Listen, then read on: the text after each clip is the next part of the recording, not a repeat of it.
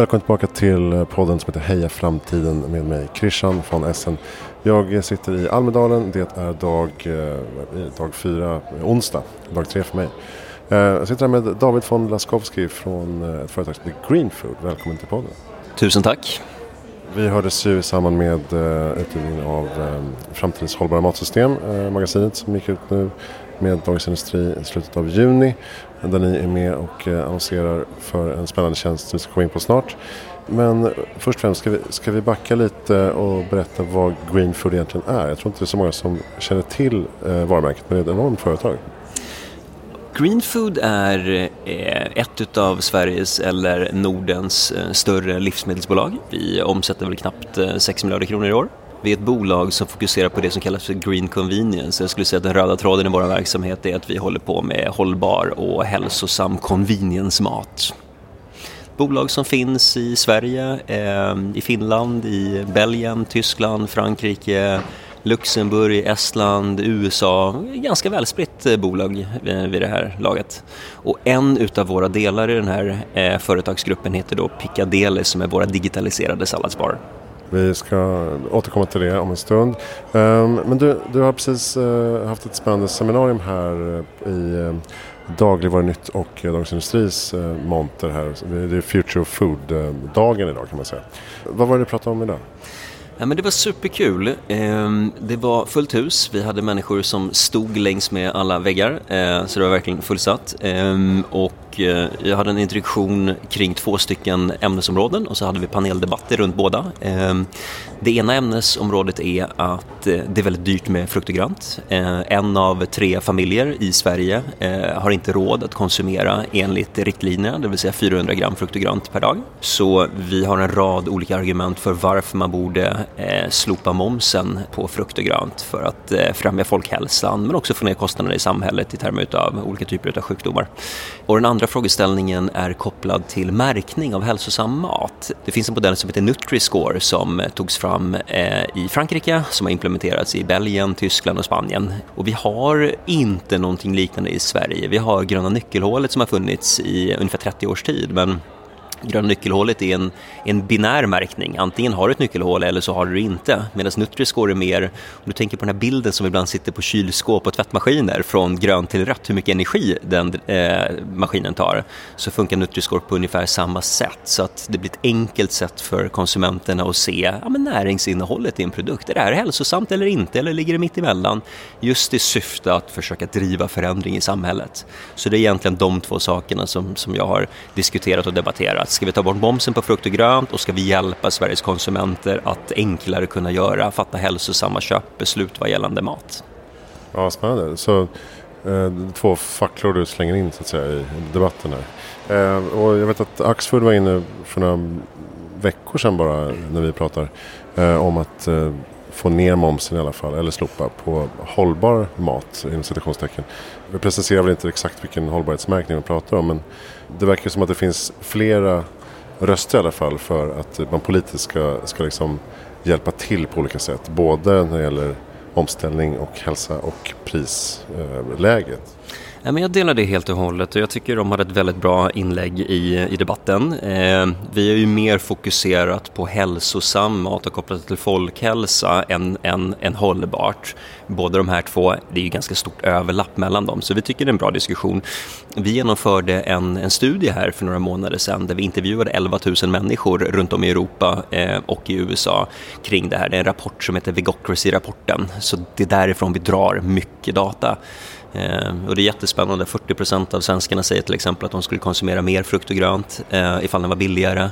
Som jag sa tidigare, en av tre barnfamiljer har inte råd att konsumera så mycket som man borde konsumera. Eh, så att eh, det är intressant. Det var också en ett forskarlag i, i Lund som fick i uppdrag att studera på hur mycket, vad är kostnaderna för svenskarnas dåliga kostval? Det är 53 miljarder om året, pengar som jag tycker skulle kunna användas på ett mycket klokare sätt. Fetma och hjärt och kärlsjukdomar och allt sånt? Exakt. Att fokusera på livsmedel är ju en investering, inte bara en kostnad onekligen. Ehm, jag tänkte komma till det vi pratade om med Piccadilly. Kan vi först bara som en referenspunkt beskriva hur stort Piccadilly är? För det tror jag folk inte fattar.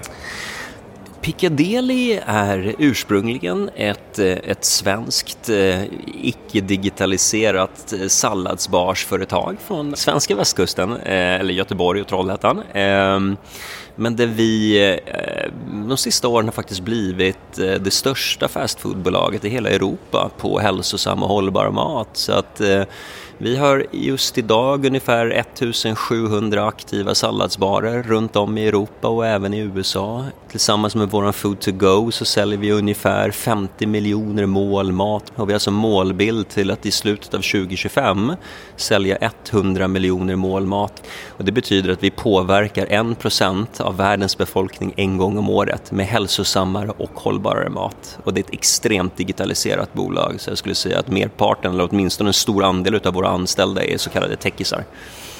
Och det skulle komma till då till slut. Eh, den här AI-lösningen som vi skrev om också här i Framtidens hållbara matsystem.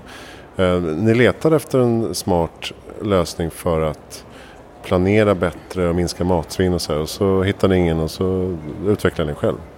Ja men det stämmer. Det finns, ju, det, det, det, finns ju jättemånga duktiga teknologibolag som har tagit fram alla möjliga olika lösningar även när man pratar om det som kallas för forecasting och replenishment. Men, men alla de system vi har tittat, och då har vi tittat, jag vågar säga att vi har tittat globalt, har ändå varit eh, bolag som har tagit fram så kallade legacy-lösningar så att de är ganska traditionella. Ehm, vi valde istället att initiera ett, ett projekt med människor från flera olika länder för att utveckla en egen AI-motor. Vi har jobbat med neurala nätverk, vi har jobbat med machine learning, vi har jobbat med, med, med AI eller artificiell intelligens och har kommit fram eh, till en, en AI-motor som, som faktiskt kan prognostisera vad vi kommer sälja. Så att det som är intressant med den här motorn är att den inte bara tittar på historiska fakta, det vill säga hur mycket sålde vi förra veckan eller vad sålde vi samma vecka föregående år. Den tittar också på nu, eh, nulägesvariabler, det vill säga vad är det för dag i veckan just nu, är det någon speciell helgdag just nu. Men det kanske mest spännande av allt är att den tittar på framåtliktade variabler prognos i termer av nederbörd, eh, soltimmar, eh, temperatur. Så kombinerar de alla de här fakta plus att vi samlade då in konsumentinsikter i realtid från alla de här 1700 eller knappt 2000 salladsbarerna. Vilket gör att vi kan ha ett unikt sortiment i varje salladsbar oavsett vart den ligger i världen och dessutom vet ungefär hur mycket vi kan sälja. Och konsekvensen av det, det är ju att de är välpåfyllda, produkterna som ligger i den specifika salladsbaren matchar konsumentpreferenserna för just den butikens kunder. Och sist men absolut inte minst, i och med att vi kan prognostisera hur mycket vi ska sälja och de produkterna kommer automatiskt till butiken gör att vi minskar våran food waste ganska dramatiskt. Och vad innebär det? Jo, det innebär att vi ökar lönsamheten för våra kunder, det vill säga butikerna. Vi ökar vår egen lönsamhet och sist men absolut inte minst, vi kastar mindre produkter, det vill säga att vi är riktigt schyssta mot planeten. Alltså, och som jag förstår det så är det här systemet kopplat till en handhållen eh, enhet i butiken som personalen Eh, får upp förslag eh, från algoritmen och säger att eh, vill du beställa det här, det här, det här och så trycker man ja, ett klick. Och, och i vissa ställen så har ni till och med automatiserat så att man inte ens behöver klicka, att den går automatiskt. Du har helt rätt. Eh, det är en handhållen enhet så det finns massa mer funktioner och... och eh, inte bara en knapp. Nej, nej, men det finns massa funktioner. Men det du beskriver är helt korrekt. Eh, och, och då genereras ett orderförslag som butiken sen okejar. Det vi ser, framförallt kanske som en konsekvens av det som har hänt de sista 6-9 månaderna med den kanske ändå får kalla det för hyperinflation, det är att vi ser att fler och fler butiker har färre och färre timmar i butik från sin personal. De vill säga att de behöver dra ner timmarna, de har svårt att få hitta människor. Vi ser att minimilönerna sticker, eh, kanske inte så mycket i Europa än så länge, men, men definitivt i USA. Jag vågar nog säga att det har börjat ganska mycket i UK också. Det gör att det är en större rullians av människor i butik och människorna har mindre tid. Och när jag säger människorna, då menar de som jobbar i butik. Vilket då har gjort precis det du säger, att vi har gått hela vägen på åtminstone en marknad än så länge, det är USA, och vi är på väg att göra det i Frankrike också. Det vill säga att vi går till true out order, vilket då i praktiken betyder att de behöver inte göra någonting. Rätt produkter, det kommer ett flöde hela tiden med de produkterna som vi har räknat ut att den här butiken faktiskt kommer sälja. Och är det ingen som tar av fetaosten eh, på flera månader då kommer inte den beställa massa ny fetaost hela tiden utan då eh, kilar man lite med den. tar man lite mindre fetaost. Du har helt rätt och det fina är att inte de sista månaderna, inte ens de sista veckorna. Jag skulle säga att systemet anpassar sig timme för timme. Okej, okay. då, kan man, då kan man lura systemet. gå in och köpa extremt mycket bacon. Nej men du har helt rätt. Vissa utav våra produkter i våra salladsbarer är jag skulle våga säga att alla är riktigt bra, men det finns vissa artiklar som butiken kan behöva för andra saker. Till exempel vi har jättefina räkor eller till exempel, ja, kanske inte fetaost, men någonting annat, vilket då kanske gör att under en period så kanske de gör väldigt mycket smörgåstårtor eller någonting annat, eller räkmackor. Och då tar de det från våran disk, vilket såklart är helt okej. Okay. Men då lär sig systemet att det finns ett ök, en efterfrågan av just den här artikeln, vilket kan skapa problem. Men vi har hittat saker i modellen som gör att det kommer upp varningsflaggor så att vi kan gå in och korrigera ifall det skulle behövas och att vi ser pikar i vissa produkter som inte är rimliga. Ja, men det är bra. Jag har att vi pratade sist om att trots all den här utvecklingen inom foodtech och sådär så, så är de stora livsmedelsföretagen ganska icke-digitala fortfarande. Vad behövs där? Är det liksom ny kompetens eller mod eller eh, investeringar? Allt, allt på en gång? Alltså det är svårt för mig att säga. Jag, jag ska inte säga att de är icke-digitala, men det är klart att livsmedelssektorn är väl troligtvis en av de största sektorerna globalt. Eh, kanske de facto den största sektorn globalt och jag tror i paritet till det så kanske det inte händer lika mycket som man skulle vilja. Det som är lite speciellt i vår sektor också att det är en ganska lång värdekedja som börjar från allt ifrån bönder till packhus till distributörer till processaktörer till grossister till livsmedelsbutiker så det är en lång kedja man ska igenom.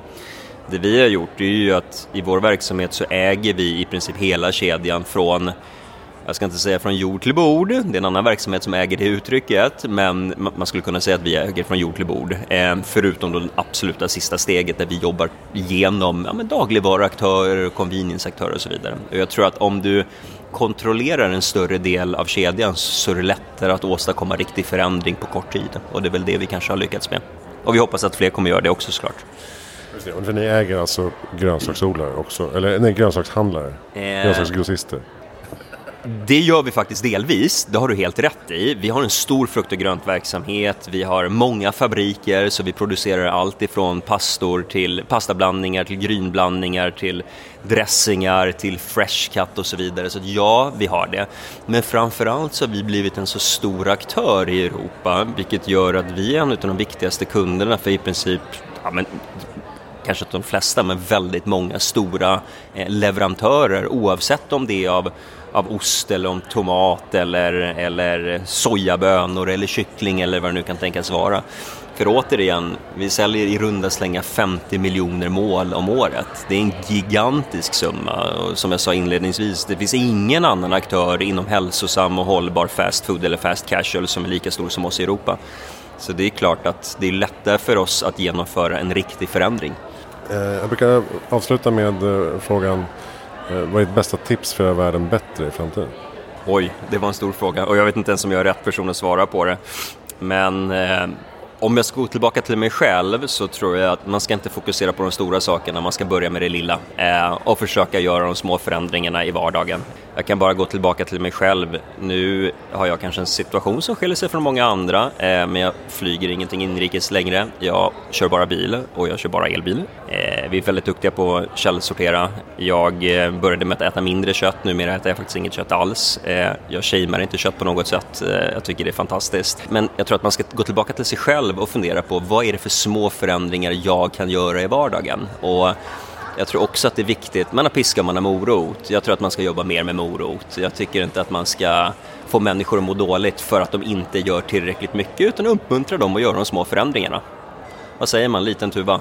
Så jag vet inte, det var väl inte ett särskilt originellt tips men ett ganska enkelt tips. Börja med att köpa en sallad till lunchen. Det hade jag sagt om jag hade sålt.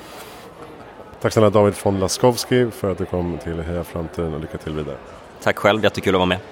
Eh, Heja Framtiden rullar vidare från Almedalen. All information om podden och mina projekt med föreläsningar, böcker, magasin och så vidare finns på hejaframtiden.se.